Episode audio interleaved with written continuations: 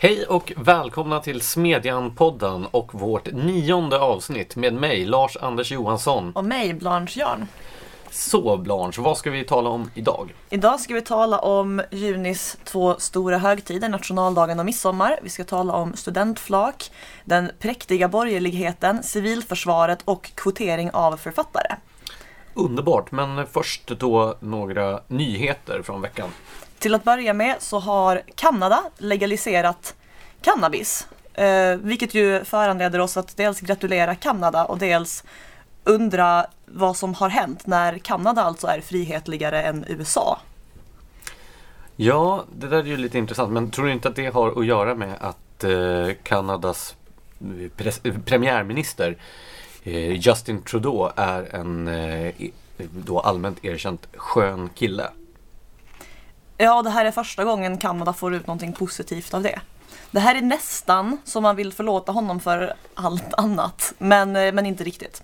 Men vi gratulerar Kanada, Kanada till detta och eh, fortsätter lite längre söderut där eh, USA då har meddelat att de lämnar FNs råd för mänskliga rättigheter. Ja, detta fyrbåk för eh, de värderingar som vi alla håller så kärt. Eh, alltså om jag inte misstar mig så är ju det här det råd för mänskliga rättigheter där vilken diktatur som helst helt utan respekt för mänskliga rättigheter är välkomna. Om jag har förstått saken rätt så är huvudanledningen till att man lämnar att man anser att det här rådet driver en Israelfientlig hållning generellt. Stämmer det? Så det har väl varit uttalanden från flera av de stater som sitter i rådet som har varit skarpt kritiska bland annat till eh, USAs ambassadflytt. Sen så finns det väl också i bakgrunden då att ett antal av de här länderna kanske inte själva är särskilt goda representanter för de värden som rådet säger sig företräda. Till exempel eh, Venezuela och Demokratiska republiken Kongo har ju själva en del att ta itu med vad gäller mänskliga rättighetsområdet. Hur, hur tänker du nu? Nej men det, det har du ju rätt i. Eh, så vi kan kanske komma fram till att det varken är kört för USA eller för de mänskliga rättigheterna när USA nu lämnar detta rådet. Nej, det låter väl som ett rimligt antagande. Slutligen har ju också tyvärr Per Ahlmark gått bort sen senaste gången vi spelade in en podd. Ja, en eh, tidigare folkpartiledare, frihetskämpe och apropå det vi pratade om nyss också, eh, varm eh, Israelvän och förespråkare för för eh, Israels frihet och rättigheter. Samt också, vilket ju är relevant i det här sammanhanget, en tidigare Timbro-författare till de ganska hårda debattböckerna Vänstern och tyranniet och vänsterns moraliska skuld. Han var ju en kompromisslös motståndare mot alla former av diktatursträvanden och det här hyckleriet som finns på vänsterkanten och långt in i Socialdemokraterna vad gäller då eh, hållningen till diktaturer runt om i världen. Ja men han var ju en sån här som fattade att man inte måste vara en mjukis bara för att man är socialliberal. Sådana borde vi ha fler av. Så, ska vi gå över till dagens ämnen? Precis. Eh, det har ju varit nationaldag för inte så länge sedan och imorgon är det eh, midsommar. Eh, jag får intrycket av att du har en klar favorit bland de här två högtiderna. Vilken är det och varför? Eftersom jag har en del invändningar gentemot nationalstaten och det sätt som den har växt fram eller skapats så känns ju just nationaldagen som en högtid som jag har en hel del reservationer från. Och den är ju också i sin nuvarande svenska form en ganska tillgjord och och konstlad högtid. Jag vet inte hur du upplever, firar du nationaldagen Blanche? Nej, alltså jag vet nästan ingen som gör det. Utom så här, kanske folk med mindre barn som åker till någon så här...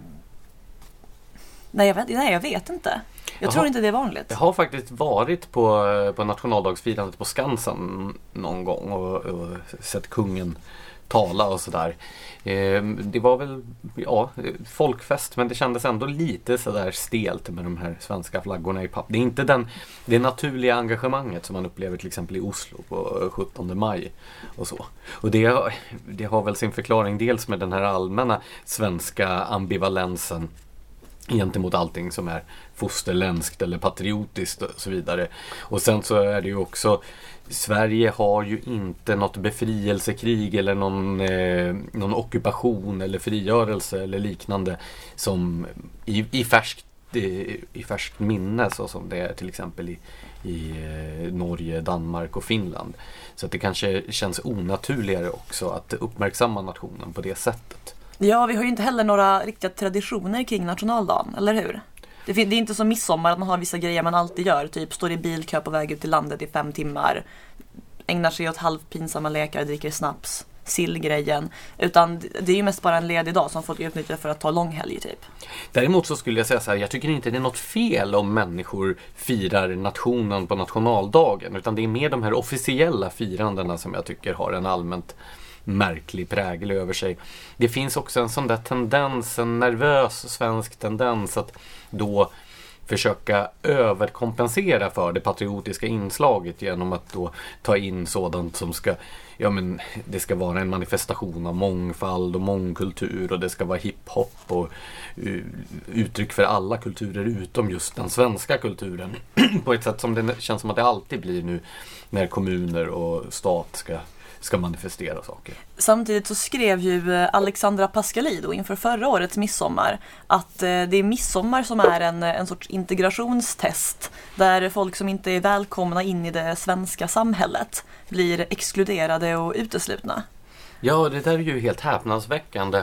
För om man ska gå in på den här distinktionen mellan mellan eh, nationaldagen och midsommar, mellan staten och mellan nationen, så är det ju faktiskt så att det är ju staten som är den exkluderande eh, entiteten här. Medan nationen är ju mycket öppnare och mycket mer eh, flexibel. För till syvende och sist så är det ju så att Antingen är du medborgare eller så är du inte medborgare. Det är svart eller vitt, på eller av. Det är ett helt binärt förhållande. Och där är ju då eh, de rättigheter som tillkommer medborgare tillkommer inte icke-medborgare.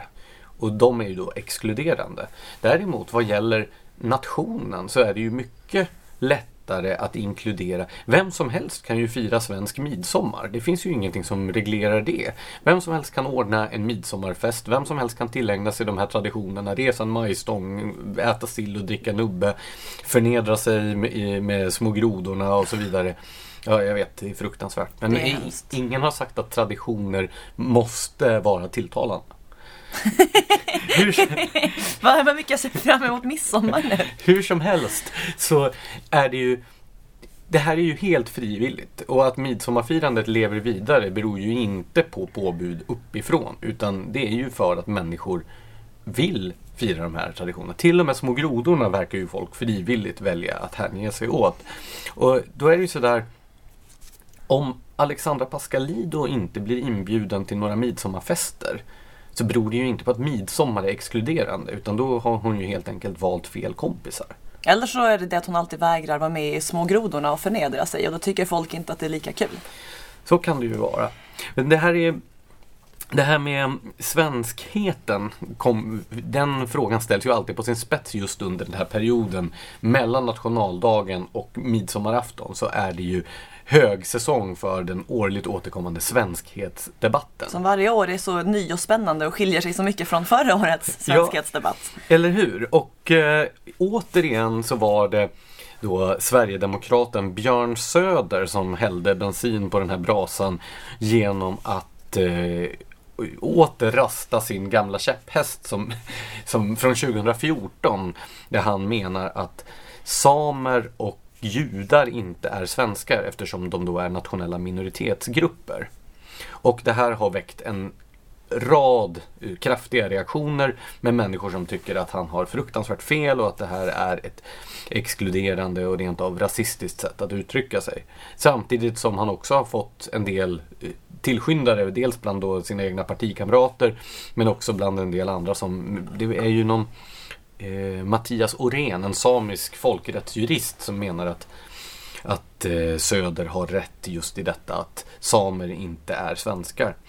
Och huruvida man har rätt eller fel i den här frågan beror på vad man använder för definition av begreppet svensk och svenskhet.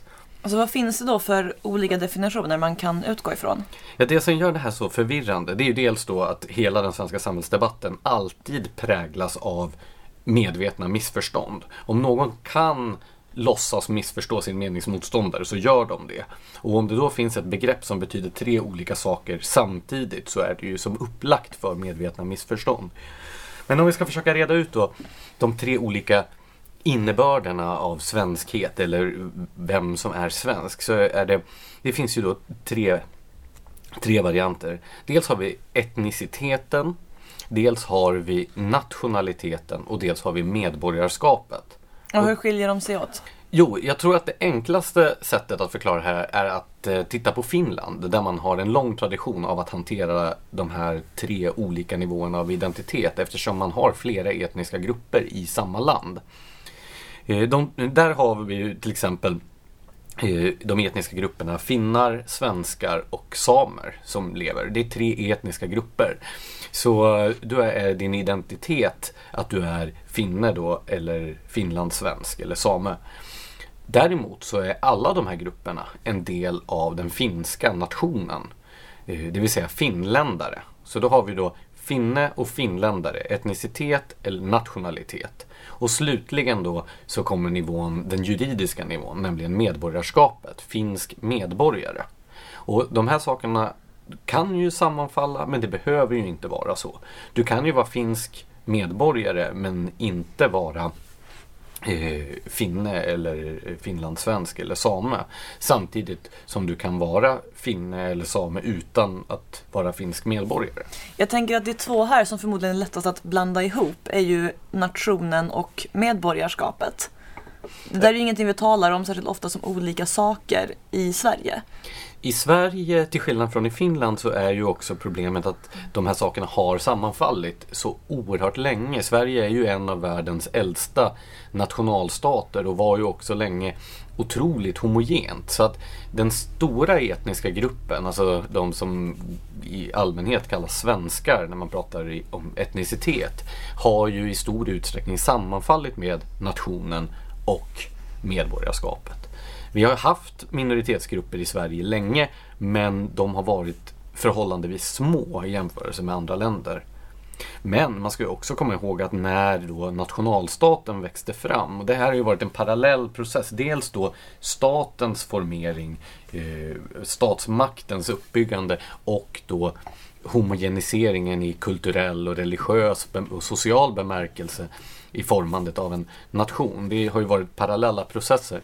Men det har ju inte skett smärtfritt utan det har ju varit minoritetsgrupper och då eh, befolkningar i olika landsändar som har blivit mer eller mindre brutalt överkörda av, av statsmakten i en medveten strävan att skapa en enhetlig nationalstat. Och det här finns ju, på många håll i landet finns det ju ett ganska bittert minne av de här historiska processerna. Det har ju varit stora upprorsrörelser i Småland och Skåne och Blekinge och Dalarna och så vidare. Ja, för att återknyta till samerna som Björn Söder tog upp så har ju det definitivt fått känna på den svenska statsmakten på ett inte särskilt trevligt sätt. Ja, och just för samernas del så är det ju att eh, där har den brutala behandlingen från svenska staten skett i relativt modern tid. Mycket av det här, eh, den här framfarten ägde ju rum för många hundra år sedan. Men koloniseringen av eh, Norrlandslänen och eh, den oacceptabel behandling av den samiska befolkningen skedde ju under 1800-talet och långt in på 1900-talet. Så där, eh, samerna har ju det här i betydligt färskare minne än vad man har till exempel i Dalarna och i Småland och så. Men eh, nationalstatsformerandet i Sverige var ju en brutal process, precis som på, på många andra håll. I, I Europa var ju i och för sig de nationalstatsformeringar som ägde rum under 1800-talet som en följd av den franska revolutionen egentligen liberala revolutioner. Där liberala studentrörelser hade idén om varje folks självstyre att liberalismen skulle grundas på självständiga folkgrupper som skulle styra sig själva. Det var ju det, den typen av tankar som låg bakom enandet av Tyskland till exempel i slutet på 1800-talet och det var den typen av tankar som låg bakom enandet av Italien som ju tidigare hade varit uppdelat i ett antal olika statsbildningar eller eh, i större imperier. Här är det också intressant att, apropå dagens politiska debatt, att det konservativa svaret på de här liberala nationalistiska revolutionerna var ju oftast ett slags eh, antinationalism där man snarare ville behålla den äldre ordningen med, med de stora eh, imperierna, egentligen mångkulturella imperierna, Österrike, Ungern under Habsburg till exempel. Så för att återknyta till det här med nationaldagen och midsommar så menar du alltså att nationaldagen är en medborgarskapsgrej och midsommar en nationsgrej, eller? Ja, alltså det som gör de här begreppen svåra är ju att etnicitet och nationalitet är ju en diffus det är en diffus gränsdragning däremellan. Och sen nationalitet och medborgarskap är det också en diffus eh, gränsdragning. Det kan man ju se där i i eh, reaktionerna på Björn Söders uttalanden. Där personer med samisk bakgrund kunde säga att ja men det här är ju sant. Jag betraktar mig som same och inte som svensk. Och det är en förolämpning att, att bli betraktad som svensk med tanke på vad svenska staten har gjort mot mitt folk. Medan andra personer som till exempel Sven-Erik Bucht, eh, landsbygdsministern, tyckte att det här var fruktansvärt för att han då upplevde att Björn Söder inte tillerkände honom rätten att kalla sig svensk. Och det är svårt att säga att något av de här perspektiven är fel. Men man kan säga att den som då säger att han inte vill kalla sig svensk, han tar fasta på etniciteten. Medan den som säger att nej men jag har visst rätt att kalla sig svensk syftar på nationaliteten. Det finns ju mig veterligt ingen som ifrågasätter en person med samisk bakgrund som Börje Salmings rätt att företräda nationen Sverige i ishockeylandslaget till exempel. Eller då det ständigt återkommande exemplet med Zlatan Ibrahimovic. Det är ju klart att eh, Zlatan Ibrahimovic är en representant för nationen Sverige. Inte bara staten Sverige utan nationen Sverige. Men huruvida han betraktar sig som tillhörig den etniska gruppen, det har jag ingen aning om. Det har jag aldrig hört. Men det spelar väl heller inte någon större roll om han betraktar vilken etnicitet han betraktar sig som tillhörig. Nej, alltså mycket, mycket av den här svenskhetsdebatten är ju egentligen hyfsat ointressant. Alltså det här är ju ofta en fråga om hur man ser sig själv och definierar sig själv. Och måste man verkligen stöta och blöta det i offentligheten så himla mycket? Det stora problemet här med Björn Söders uttalande tycker jag är att han blandar ihop sin egen roll som politiker med sina egna privata reflektioner kring etnicitet och, och nationalitet. För egentligen så är det ju bara detta med medborgarskapet som är en angelägenhet för politiker eftersom det är den juridiska nivån. Nationaliteter och etniciteter är ju som vi har sett i den här diskussionen väldigt flytande och överlappande. Jag tänker på när jag pratade med Per Hulkoff i Raubtir uppe i Tornedalen i vintras då diskuterade vi ju detta med identiteter. För Raubtir har ju i sina texter en hel del patriotiska inslag. De har ju en skiva som heter Sveriges, eller en låt som heter Sveriges Elit till exempel.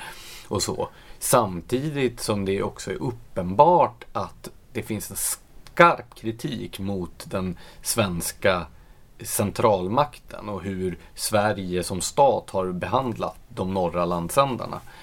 Plus också, eh, jag tror han sa det där, att identiteten som man har uppe i Tornedalen är ju väldigt eh, flytande. Att man är något slags mellanting då mellan svensk och finne och same och, och kvän då som är den gamla folkgruppen som fanns där uppe också.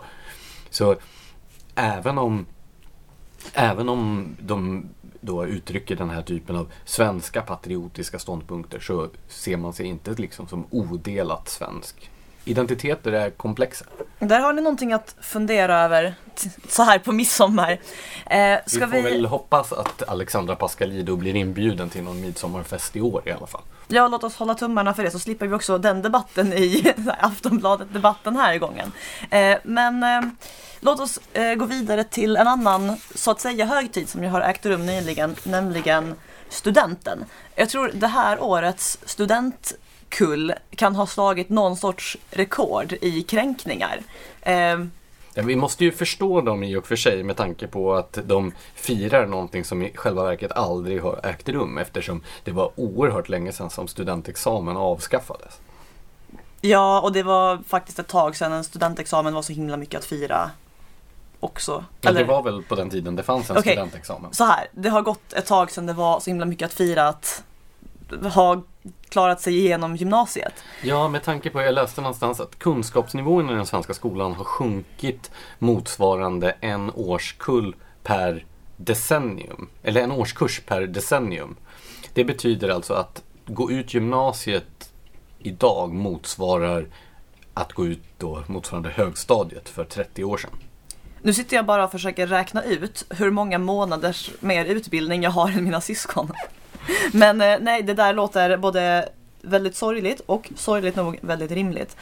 Ehm, men grejen är ju att när man tar studenten så brukar det ingå att man åker runt på ett flak till förskräcklig musik, häller champagne över förbipasserande och med det menar jag kava och skriker. Eh, Och på det här flaken har man hängt en banderoll där man skriver någonting Ja, så här, ändrar är man tråkig och skriver sina namn eller så skriver man någonting lite kul eller lite provocerande. Eh, vilket jag tror mycket har att göra med att man har ägnat tre år åt att skriva tråkiga och oprovocerande saker och nu firar sin frihet genom att vara lite mer radikal. Med betoning på lite. Men det här har i år gjort så många så otroligt upprörda. Eh, Det här började med eh, några gymnasister i Upplandsbro som på sin banderoll skrev citat metoo för kvinnor som försökt ligga sig till framgång men misslyckats. Slutcitat. Eh, Och det här är ju ganska oskyldigt i studentflakstermer och så här lite småkul ändå med tanke på att det driver ju inte med kvinnor, det driver med en sociala medier-kampanj som är ganska problematisk och har fått en hel del kritik. Så det här borde vara helt okej att göra. Men istället så kommer först en så här stor nyhetsartikel där någon Nathalie, 18, som har fått bilden mmsad till sig av någon kompis, eh, gör expertutlåtandet att det är ett sexistiskt uttryck. Och sen kommer gymnasieministern på riktigt eh, och kallar det inträffade oerhört tragiskt. Eh, och som grädde på moset så skriver gymnasiets rektor att det här är mycket kränkande och så är han noga med att eh, lyfta fram skolans medvetna arbete med värdegrunden och poängtera att polis kommer att finnas på plats för att kontrollera flaken vid avfärd. Så oavsett vad man har för uppfattning om metoo-uppropet så är det ju väldigt magstarka reaktioner på en ja, plump kommentar på ett studentflak. Och just att en regeringsföreträdare uttalar sig om en sån här sak. Det här känns väl verkligen inte som att det är en fråga som ska ligga på regeringens bord. Nej, alltså det har inte där att göra. Det här är som, det här är som Sverigebilden fast hundra gånger mindre rimligt för en minister att sitta och jag menar, driva opinion i. Och sen så är ju också en annan aspekt av det här att vad det borde ha kunnat fatta, alltså gymnasieministern och rektorn och alla andra som blev så himla kränkta över det här, det är att det är ju klart att det kommer liksom inspirera folk att göra likadant. För att är man i de övre tonåren och har lyckats göra ja men typ etablissemanget och sina föräldrar upprörda med ett skämt, då är det klart att man liksom vill eller så här, om man sett någon annan göra det, det är ju klart att man vill göra efter själv. Ehm, så till exempel följdes det här Upplandsbro av eh, eh, några elever från bygg i Skara som skrev eh, Här kommer 15 nya Martin Timell. Eh, och alltså han har ju säga... eh, fuskbyggare. Alltså det, var, det var ju ett skämt. Alltså så här, det var ju roligt. Men då tolkar först alla det här som en metoo-grej. Och sen så verkar det inte heller låtsas om att killen ju har blivit frikänd. Så han är alltså liksom så här enligt Men är- domstolen oskyldig. Men är inte hela den här eh, metoo-kampanjen, går inte den ut på att man ska döma och straffa människor utan rättegång? För det är ju fortfarande de här människorna som har blivit av med jobbet och förlorat hela sina karriärer har ju inte fått återupprättelse även om de blir frikända. Det är förstås sant. Så den här vreden mot kritiken mot kampanjen handlar väl om att det är väl egentligen en maktkamp att de som använder metoo då för att då döma människor utan rättegång, de vill ha kvar det den möjligheten. Eh, en annan grupp eh, studenter som, eh, som eh, blinkade åt den här eh, feministrörelsen var några studenter i Falköping som skrev Hälsade på en feminist igår, rättegången hålls nu på måndag. Och eh, det där är ju också eh, ett sätt att antyda att eh, vissa personer i till exempel metoo-rörelsen ibland eh, tar och blåser upp saker som egentligen är ganska små. Eh, när, jag tog, när jag såg det här kom jag att tänka på eh, det var några år sedan eh, då en kvinna gick genom eh, New York efter någon kompis som hade en kamera i ryggsäcken. Och så skulle det så här, filma och räkna alla eh, kränkningar eller påhopp eller vad det nu, vad det nu valde att formulera det som, som hon utsattes för under, jag vet inte om det var tio timmar på New Yorks gator. Eh, och det kunde vara något sånt som att en snubbe liksom så här gick förbi och sa hej. Alltså, tittade han i dra mig ansiktet. baklänges på en, på en skottkärra. Att han vågar. Rak höger på den. Ja, nej jag hade också ehm, jag, jag hade också metooat honom om jag fått chansen. Vilken grej att bli utsatt för. Ehm, Det bästa och säkraste sättet är att vägra hälsa, att ta kvinnor i hand. ja, det, det har jag förstått istället ska gynna ens karriär jättemycket. Så det är skönt att det finns ett sätt att göra rätt på i det här fallet. Ehm, Finns det några fler spännande exempel från den här otroligt vitala och stimulerande debatten? Inga som jag har i huvudet just nu, och med det menar jag på min fusklapp. Men däremot kommer jag att tänka på när Paolo Roberto drog en ordvits om metoo och folk blev, det här var till och med före Upplands Bro, eh, och folk blev nästan ännu argare. Eh, och då hade han skrivit Vad kallar man en sexuellt trakasserad robot? R2 metoo. Jag ser på ditt ansiktsuttryck att du tyckte att det där var väldigt Det roligt. var ju jättekul. Det är en Göteborgsvits. Jag vet, men jag älskar dåliga ordvitsar. Det, Men den där kan väl inte ha gjort någon upprörd? Oh yes! Oh yes! Det Men, var... men det var ju inte ens ett ifrågasättande av metoo.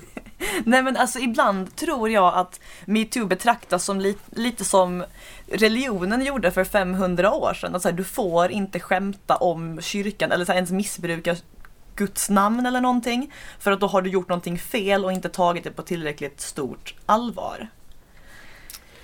Jag funderar också kring den här medierapporteringen. Du berättade om Nathalie, 18, som eh, var kränkt över eh, någon av de här banderollerna. Det är sexistiska uttrycken. Men det blir lite grann så här att när det är någonting som en tidnings medarbetare är upprörd över, till exempel en banderoll eller något sånt där, eh, så skriver man om då kritiken för att få, det blir som en självuppfyllande profetia.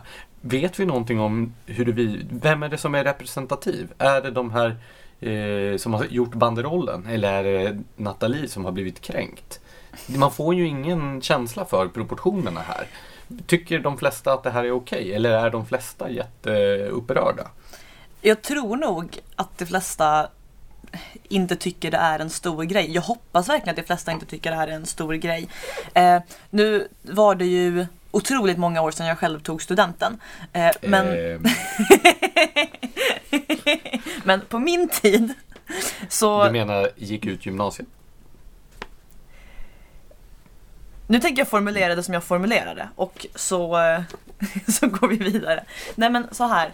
Eh, jag får intrycket av att det finns en liten grupp personer som har gjort det till sin grej att bli väldigt upprörda över sånt här. Några av dem eh, blev till exempel hyllade av eh, Stina Wolter, vilket då skulle vara en positiv grej. Alltså Eh, för att det är på sitt... konstnären Stina Wollter. Ja, eh, för att det på sitt eh, flak hade skrivit Vi river ner machokulturen och bygger Sverige. Snedstreck tjejerna från bygg. Alltså, så här, den sortens studentflaksbanderoller lyste åtminstone på min tid med sin frånvaro. Tack och lov. Jag har faktiskt inget minne av att vi hade någon banderoll överhuvudtaget på mitt studentflak. Å andra sidan har jag väldigt diffusa minnen överhuvudtaget från det där studentflaket. Så att Har man inte diffusa minnen från studentflaket som har gjort någonting fel? det enda som jag med tydlighet minns var att jag ramlade av mitt studentflak när jag var ute och åkte. Men eh, det får anses preskriberat vid det här. Jag gick ju på ett lite snobbigt gymnasium som året innan hade gjort en grej av att trycka upp eh, så här, tusen eller 500 lappar, fast fake såklart, och kasta ut för att man var så dekadent och spännande. Eh, men jag vill minnas att vi i alla fall lät bli det. Tack och lov. Men min poäng eh, i den här frågan är helt enkelt att folk behöver lära sig ta ett skämt och framförallt så behöver folk sluta agera som att det skulle vara en värre sak att skämta om kvinnor än om män. För alltså vi är inte så himla överkänsliga. Alltså sluta porträttera oss som att vi inte kunde ta ett skämt motsvarande vad en man skulle kunna ta för skämt. Allvarligt talat. Gjorde du det just till talesperson för alla kvinnor? Nej, det gjorde jag inte, men jag tror att jag skulle vara en utmärkt talesperson ifall jag gjorde mig till en. Nej, jag tror, jag vet inte om jag är jätterepresentativ. Men jag skulle vilja vara det. Nåväl. Ska vi gå vidare till en annan grupp som eh, skulle behöva slappna av en smula? Vad tänker du då på för några? Jag tänker på den präktiga borgerligheten.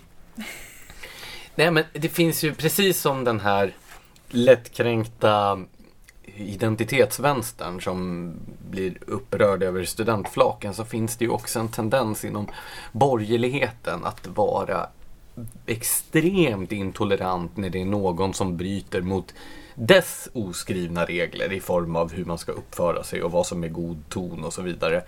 Jag har ju skrivit om det här i veckan apropå reaktioner som kommer från borgerligt håll varje gång som eh, supporterkultur och framförallt då den kring fotboll är uppe på tapeten. Okej, så att borgerligheten hanterar fotbollskulturen fel menar du alltså?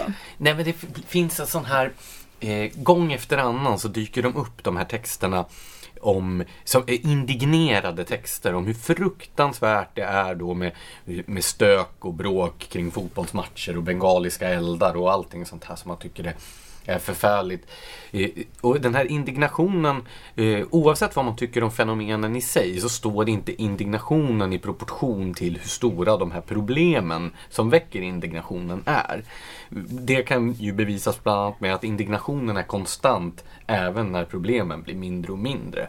Jag som har gått på allsvensk fotboll sedan 90-talet har ju sett en jättestor utveckling. Det har, det har aldrig varit så lugnt på allsvenska fotbollsmatcher som det är idag. Det är ju extremt lugna tillställningar i förhållande till hur mycket människor det är. Men det här eh, falsett-tonläget hos vissa debattörer, det är ju fortfarande lika högt. Så det är inte alls förankrat i hur händelseutvecklingen ser ut. Så varför tror du det är just fotboll som får den här präktiga borgerligheten att reagera på det här sättet? Det finns ju liksom andra uttryck för eh, våld i samhället, så varför just detta? Ja, nu är det ju inte framförallt våld som jag, som jag menar att man reagerar på. För men det är klart att våld, eh, brottslighet och våld i samhället är ju naturligtvis någonting som ska stävjas. Så det ligger ju i, i eh, borgerliga opinionsbildares intressen att motverka sådant. Utan det är det här med proportionerna och då reaktioner på saker som inte alls har med våld att göra. Som till exempel bengaliska eldar eller när supportrar eh, sjunger nidvisor och använder fula ord på läktaren och sånt där. Ungefär som studenter på studentflak. ja, men det finns faktiskt en parallell tycker jag till, till, till den diskussionen. Men ett annat en annan här, ett annat bevis på att den här indignationen är eh, oproportionerlig. Det handlar ju då om att man pl plötsligt från vissa borgerliga opinionsbildares håll är beredd att frångå alla sina grundläggande principer vad gäller hur till exempel en rättsstat fungerar eftersom man tycker att det här är så förfärligt. Eh, Expressens ledarsida skrev till exempel härom året att man tyckte då att eh, fotbollspubliken inte skulle omfattas av rättsstatens grundläggande skydd utan att fotbollsklubbarna skulle vara tvungna att betala för polisbevakningen på fotbollsmatcher. Ja, och rätta mig om jag har fel, men inte det här ungefär samma grupp människor som blir med rätta provocerad när folk säger att de inte vill behöva betala för polisskydd och till exempel Lars Vilks? Ja, det där är ju en, en paradox. För för det första så är det så att om man börjar hävda att vissa tillställningar och grupper ska då betala för att åtnjuta det grundläggande skydd som egentligen är statens existensberättigande. Då har man ju gått från att vara en rättsstat till att bli något slags beskyddarsamhälle. Då, är det så här, då kan man ju fråga sig om ska AIK eller Djurgården då istället vända sig till den fria marknaden. Då kanske det är bättre att vända sig till Hells Angels eller någonting för att upprätthålla säkerheten på evenemangen. Då får vi ju en helt annan typ av samhälle. Det här att du först tänker Hells Angels, inte till exempel Securitas. ja, det var, är väl för att understryka hur absurt det blir om man går den eh, den vägen och just frångår den grundläggande principen. Men sen är det ju också så här, visst, det kostar massor med pengar att Eh, upprätthålla lag och ordning på stora idrottsevenemang. Men det gör det även när det är till exempel musikfestivaler eller, eller stadsfester eller andra stora evenemang där det är många olika människor. Och det är ju faktiskt väldigt lite bråk och stök i samband med fotbollen jämfört med vad det är på andra stora tillställningar, men som musikfestivaler till exempel. Alltså, nu tar jag ju så mycket avstånd som möjligt från organiserad lagsport och debatten kring det. Men om jag förstått det rätt så är det här alltså mer av en högergrej än en vänstergrej att bli indignerad över den här kulturen. Men så här, vad beror det på i så fall? Jag, jag har inte statistik som visar det, men jag har sett, jag tycker mig ha sett fler reaktioner av det här slaget som kommer från borgerligt håll jämfört med från vänsterhåll.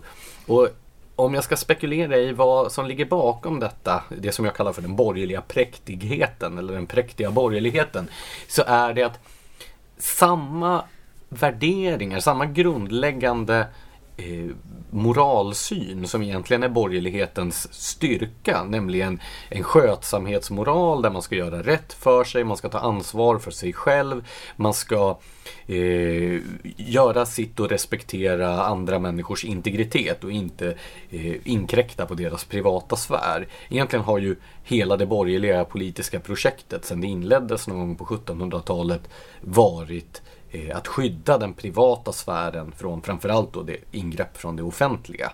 Men också från andra människor som kan inkräkta på, eh, på den privata sfären. Men den moralsynen blir ju per definition ganska präktig. Att man ska vara ordentlig och göra rätt för sig och sköta sig själv och respektera andra. Det kan ju uppfattas som, som en tråk tråkig inställning. Inte minst då i, i vårt väldigt så här, extroverta, självförverkligande och individualistiska samhällsklimat. Den som då siktar på att bara eh, sköta sig själv och vara... Eh... Skita i andra. ja, det, men den kan uppfattas som tråkig och det är väl därför också som borgerligheten har fått ett delvis välförtjänt rykte om att vara tråkig. Men det är, jag, tyck, och jag tycker inte det är något problem, förutom då när det slår över i ett slags intolerans. Och jag tror här, anledningen till att man reagerar på supporterkulturen är eh, Dels finns det ett slags klassförakt i det här. När man reagerar mer på fotbollssupporter som ju kommer från alla möjliga bakgrunder, från liksom arbetarklass till överklass. Det, det finns ju alla möjliga bakgrunder i fotbollskulturen. Eh, så är det för att man förväntar sig mer av många av människorna som går där. Medan när det är kravaller ute i förorterna, då är det på något sätt sådär att man det var, man förväntar sig inte bättre. Det finns ett slags nedlåtande attityd där. Men ungefär som i biblioteksdebatten när var det Roger Mågert, sossen, som var ute och sa att eh, det är liksom eh, dubiöst att kräva att det ska vara tyst på bibliotek i förorter, eller på bibliotek för att då exkluderar man ja, men, eh, invandrare och utsatta grupper i samhället? Eller ja, som att man inte man kunde förvänta sig att människor med vissa bakgrunder kunde sköta sig på ett bibliotek. Nej, utan bara jag vet inte, innerstadskids med fjällräven-ryggsäck. Och här tror jag att det är lite grann det omvända, att man har svårt att att acceptera tanken på att så här då, till synes normala människor plötsligt börjar bete sig som grobianer och går omkring på stan och sjunger sånger och tänder bengaliska eldar. Men jag tror också att det är två saker till. Eh, dels så är det ju att om det händer saker ute i någon avlägsen förort då är det ju lätt att ignorera det för att man slipper uppleva det själv i sin vardag. Men fotbollssupporterkulturen tenderar ju att gång efter annan dyka upp i de miljöer och de kvarter som eh, den här eh, välbemedlade borgerliga medelklassen själva rör sig i. Och då kan det ju bli väldigt provocerande om det dyker upp eh, 200 gapande och skrikande Hammarbyare utanför restaurangen där man sitter Jag har delat en restaurangvagn med typ 200 gapande och skrikande Hammarbyare och nu är jag ju emot alla fotbollslag men jag tror jag är dubbelt så mycket emot Hammarby bara på grund av den upplevelsen. Men... Det förstår jag. Jag ska bara säga den andra eh, förklaringen tror jag har att göra med den här eh, konsumistiska livsstilen som jag menar är baksidan av marknadsliberalismen eller en slags avart av den. Där man betraktar alla aspekter av tillvaron som ett slags konsumtion. Till exempel så avskyr jag begreppet eh, underhållningsindustrin.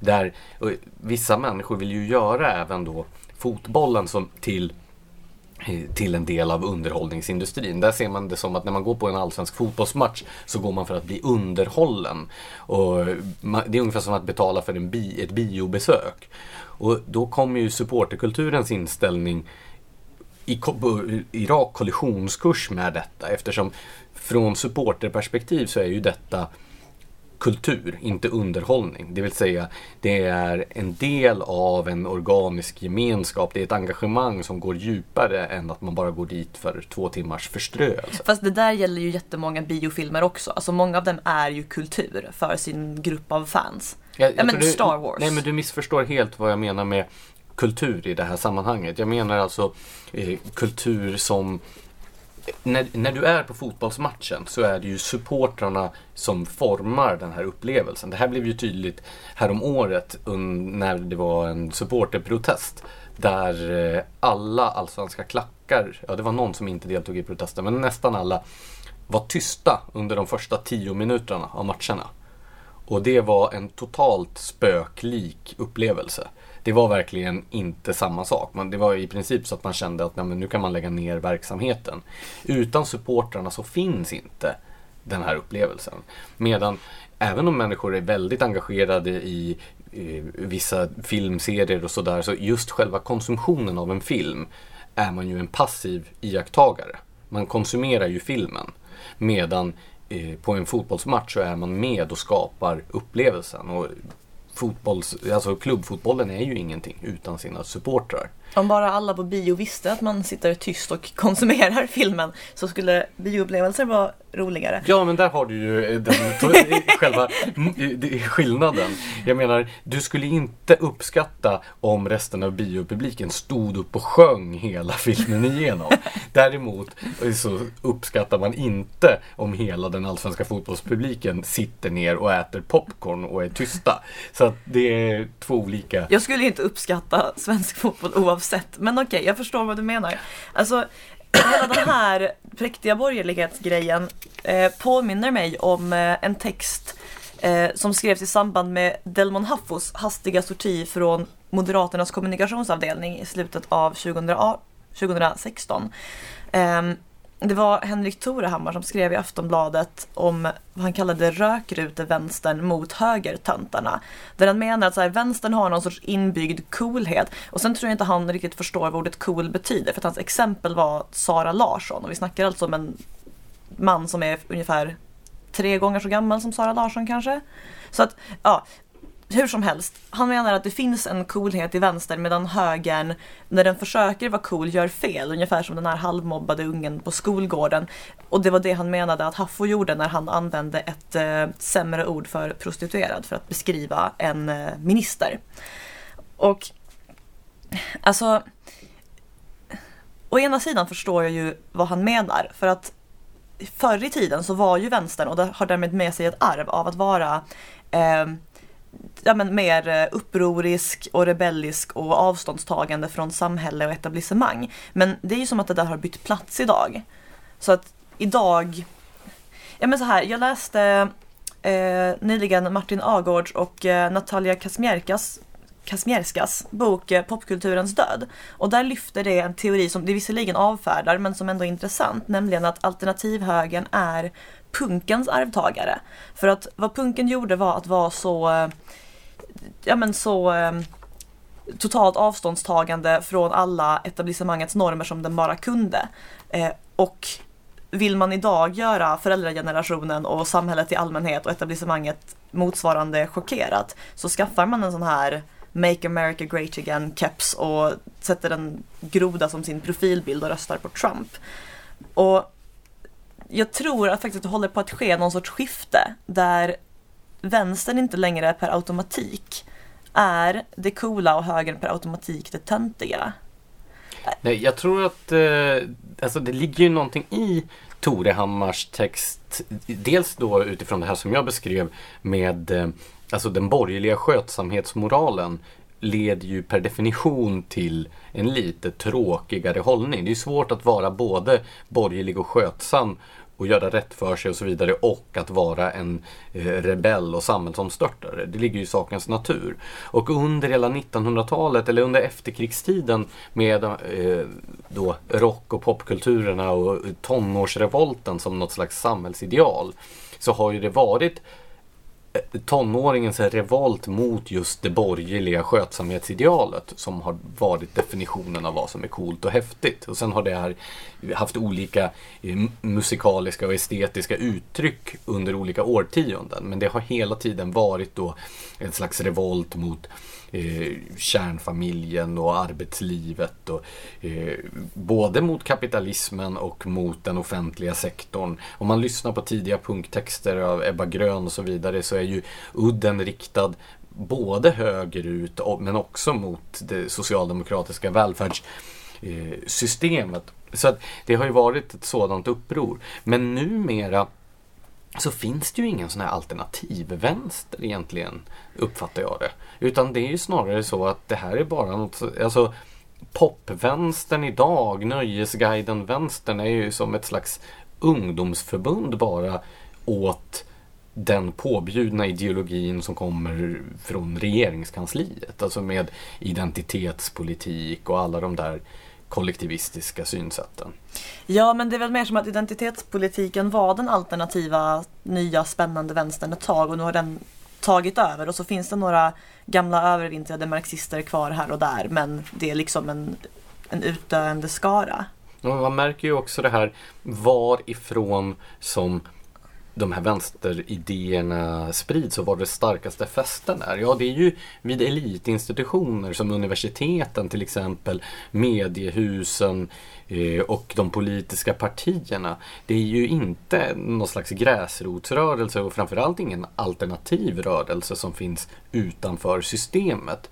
Där kan man åtminstone ge en eloge till de gamla proggarna som ju byggde upp sin alternativa musikrörelse helt utanför det offentliga. Ända tills de då sögs in i det offentliga i mitten på 70-talet. Men det var ju tio år senare. Men det byggdes upp med privata pengar, helt fristående. Så det där saknar ju motsvarighet idag. Det är som i Norrland då, som traditionellt röda Norrland, där är det ju egentligen numera Umeå, universitetsstaden, som är det röda fästet. Det är inte liksom industriarbetarna som är ryggraden i det röda Norrland längre.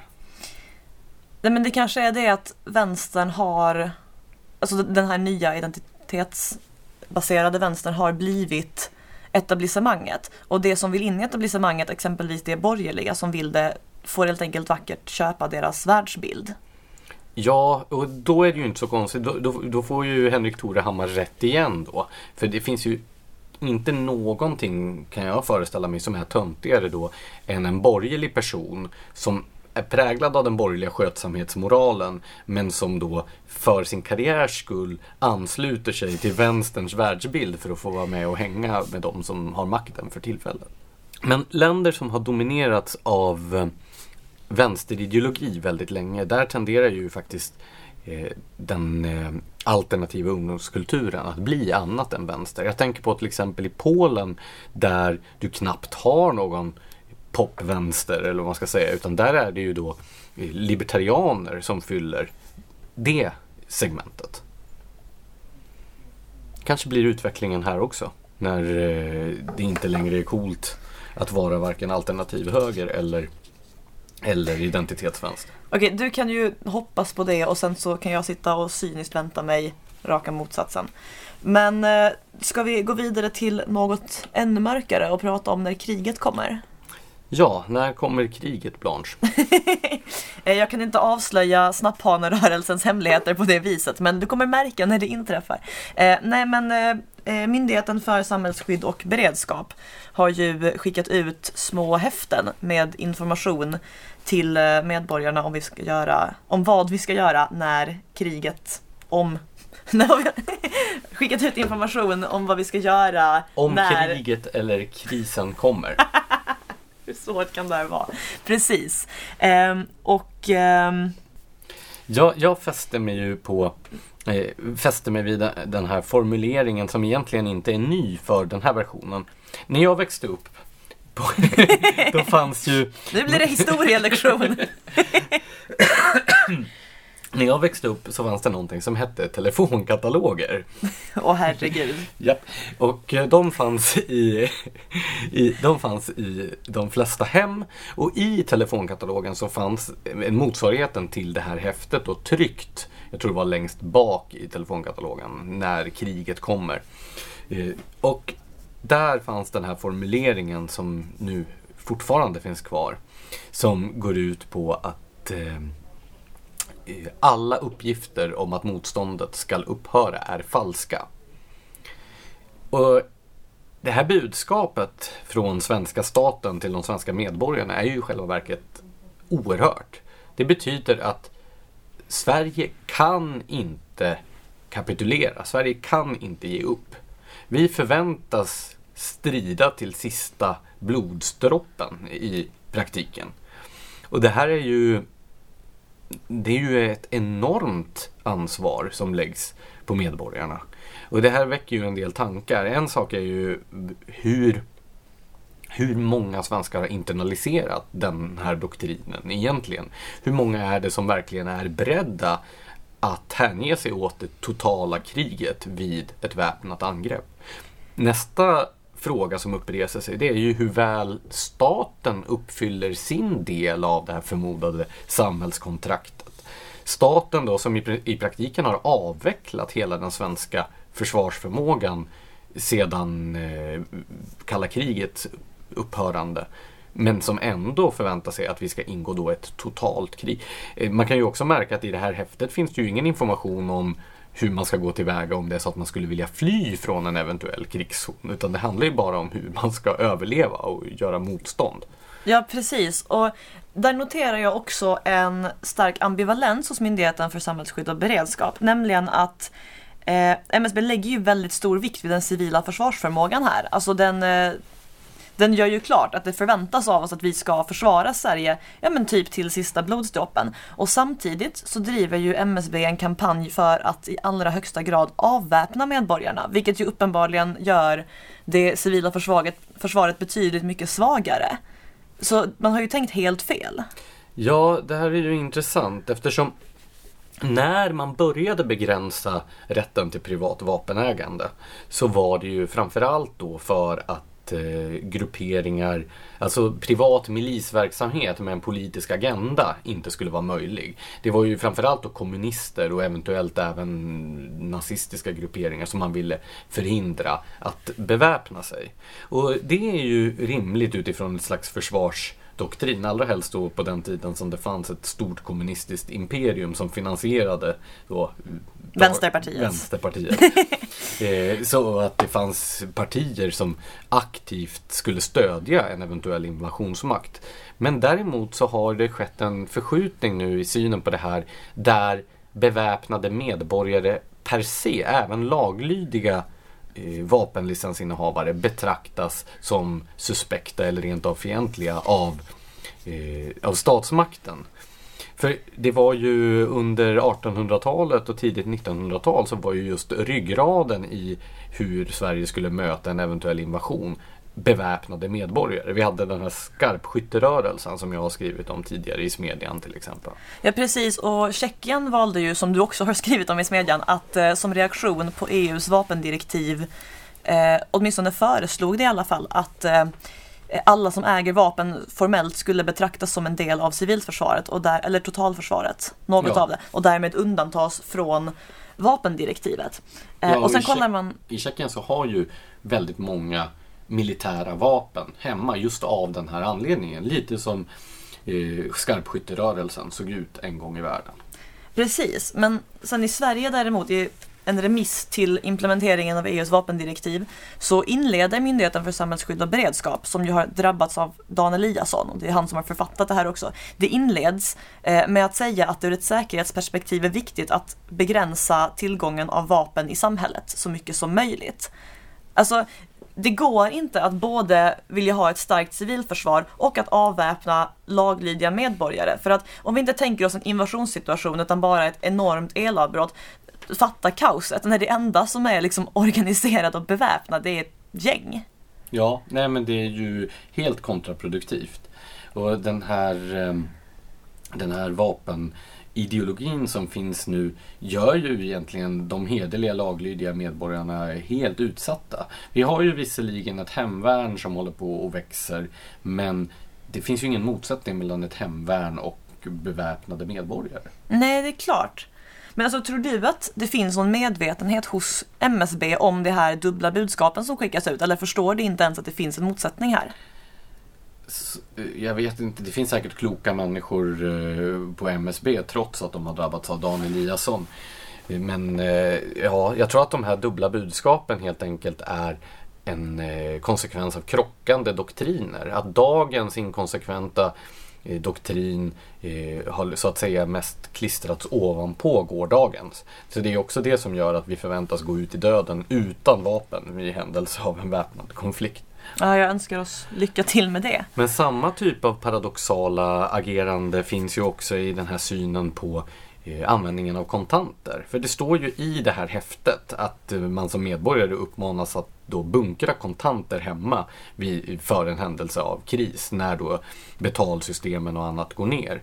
Men problemet är att hela vårt samhälle har det senaste årtiondet drivit på för ett avvecklande av användningen av kontanter. Det har varit eh, då framförallt bankerna men även handeln som har drivit på för detta. Så att det är ju i praktiken omöjligt nästan att betala kontant nu. Ja, alltså i nästan alla andra länder jag besöker så behöver man liksom fråga om man kan betala med kort på det här och det här stället. Men här i Sverige behöver man fråga ifall det fortfarande går att betala med kontanter. Och det är egentligen helt skruvat för att Alltså jag tror inte folk riktigt förstår hur avhängigt vårt samhälle är av möjligheten att handla och betala med varandra. Alltså några dagar utan det så ligger man verkligen riktigt illa till. Och alltså alla som har liksom varit utanför en jag vet inte, väl uppkopplad innerstad vet att här, man kan inte alltid lita på att den här tekniken funkar. Nej, och eh, sen finns det ju också utöver krisberedskapsperspektivet så finns det ju många frihetliga argument för att bevara kontanterna. För i en helt elektronisk eh, ekonomi så finns det full insyn i varenda eh, transaktion som man gör. Myndigheterna men också då bankerna får ju en enormt stor makt över oss som enskilda individer på ett sätt som jag inte tycker att det är rimligt att man låter dem öva. Nej, och det där hänger ju också ihop med vapenfrågan. Alltså så här, ju mer kontroll staten har, ju mer kännedom den har om medborgarna och ju mer beväpnad den är i förhållande till sina medborgare, desto otryggare är medborgarna i grunden. Så är det. Så vad, hur ska vi sammanfatta våra slutsatser efter det här häftet? Beväpna Nej jag skojar bara. Eh, nej men eh, ja, lycka till med det totalförsvaret typ. Ska vi gå vidare? Till sista ämnet. Du har skrivit om eh, det brittiska bokförlaget Penguin Random House som eh, ska börja tillämpa en slags identitetspolitisk doktrin på de egna medarbetarna. Ja, och alltså den sjukaste identitetspolitiska doktrinen dessutom. Eh, det var rätt nyss som det här förlaget gick ut med att det senast 2025 ska spegla det brittiska samhället. Ehm, I alla, både i termer av vilka man nyanställer och i termer av vilka författare man överhuvudtaget publicerar. Och det här är alltså inte bara någon så här töntig könskvotering, utan det här ska spegla det brittiska samhället i termer av kön, etnicitet, sexualitet, vad man kallar social rörlighet, vilket jag tror är ett PK-sätt att säga klass, eh, och eventuella handikapp. Ehm, och det här kan man ju förstå blir helt absurt. Eh, Lionel Shriver, som är en författare mest känd för den här boken eh, We need to talk about Kevin, som också har blivit en film, skrev i eh, tidningen The Spectator att eh, eh Penguin är eh, drunk on virtue, det vill säga i princip så hög på sin egen godhetssignalering. Och eh, så tog hon också upp eh, ehm, ett par exempel på hur det här kan bli så skevt. Eh, för hon har då sett det här formuläret som Penguin House ska använda för att, eh, för att kategorisera sina nyanställda författare. Och eh, till exempel Eh, så gör deras indelningen att alla som är vita, men som varken är britter, irländare eller ett eh, resande folkslag, eh, är kategorin white other. Så du kan alltså ha ett kontor som är fullt av så här allt från folk från Baltikum, folk från Balkan, Medelhavet, svenskar, australiensare, amerikaner, eh, kanadensare, eh, eh, judar från Sydafrika, alltså you name it. Eh, och fortfarande vara helt eh, bristande på punkten eh, mångfald. mångfald. eftersom du bara har en kategori.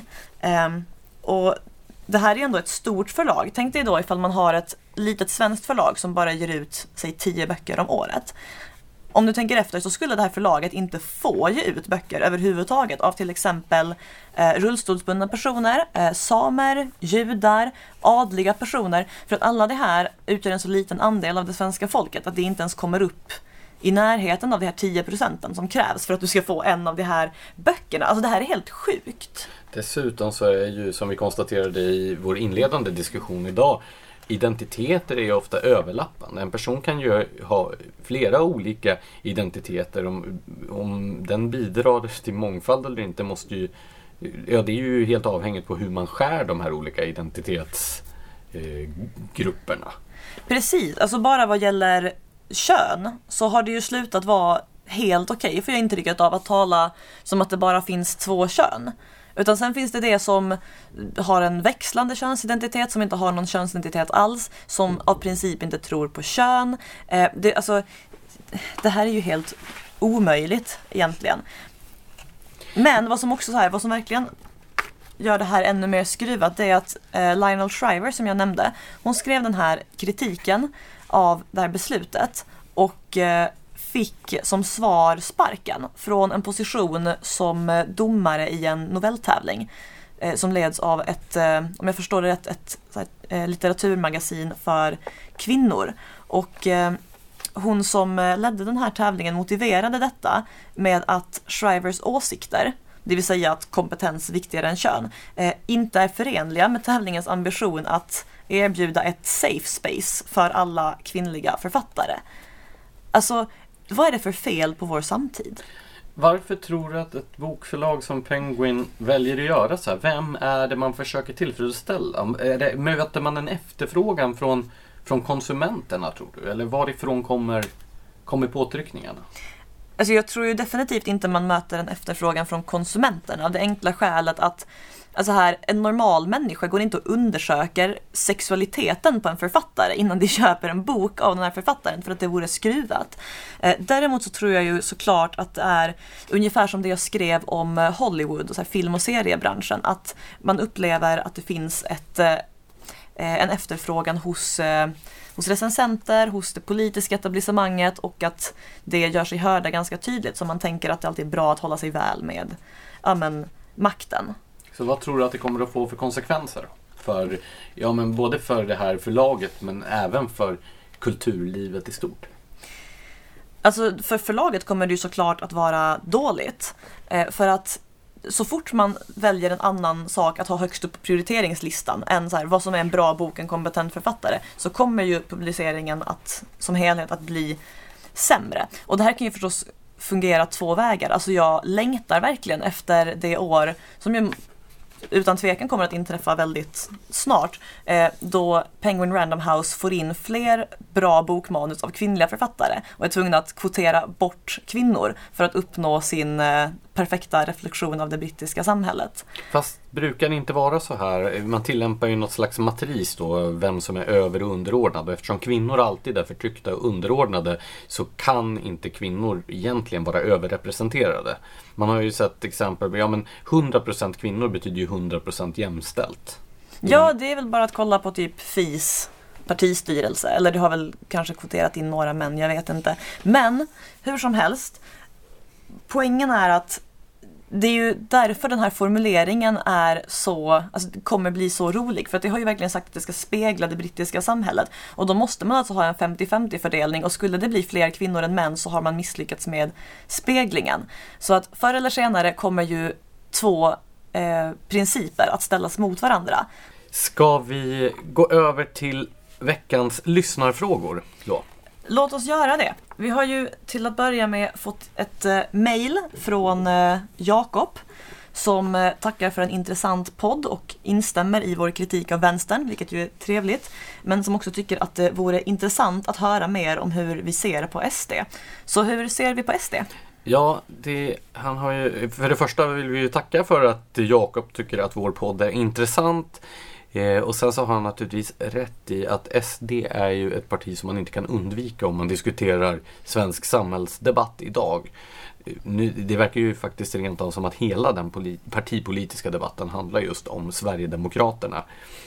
Och eh, ja, SD är ju ett parti vi kommer att vara tvungna att återkomma till både i text på Smedjan och i den här podden med största sannolikhet. Men om man ska bara helt kort försöka besvara hans fråga. För det första så är ju SD problematiska för borgerligheten eftersom de har fångat upp en hel del av den högeropinion som vi kan se i samhället idag. En majoritet av SDs väljare definierar sig själva som höger. Och eh, vi har ju sett, om man ser till till exempel SOM-institutets mätningar så har den svenska väljarkåren sedan ja, åtminstone hela eh, 2000-talet rört sig högerut. Alla generationer har rört sig högerut, det vill säga samma individer har blivit mer höger än vad de var tidigare.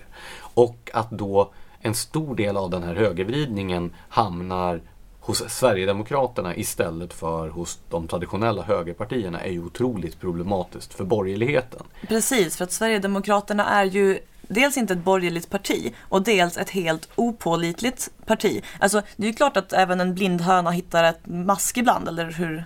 Vad är, det, vad är det den blinda hönan hittar? Ett korn. Det är klart att en blind, även en blind höna hittar ett korn ibland. Men faktum kvarstår ju fortfarande att Sverigedemokraterna har svängt fram och tillbaka i väldigt många väldigt viktiga kärnfrågor för borgerligheten. Så att det, alltså, man kan ju inte veta vad man har det här partiet och det är ett stort problem för alla som behöver hantera den. Just det där med att man inte riktigt vet vad man har partierna är väl då ett problem som gäller för ganska många partier i, Centerpartiet. i, i svensk politik. Men jag tycker att Marcus Uvell i sin nya bok eh, Bakslaget argumenterar väl just för varför Sverigedemokraterna inte är ett borgerligt parti. Och det handlar om den här centrala åtskillnaden mellan eh, då eh, politiken eh, och institutionerna och, och, eh, de, och det samhälle som institutionerna ska värna om.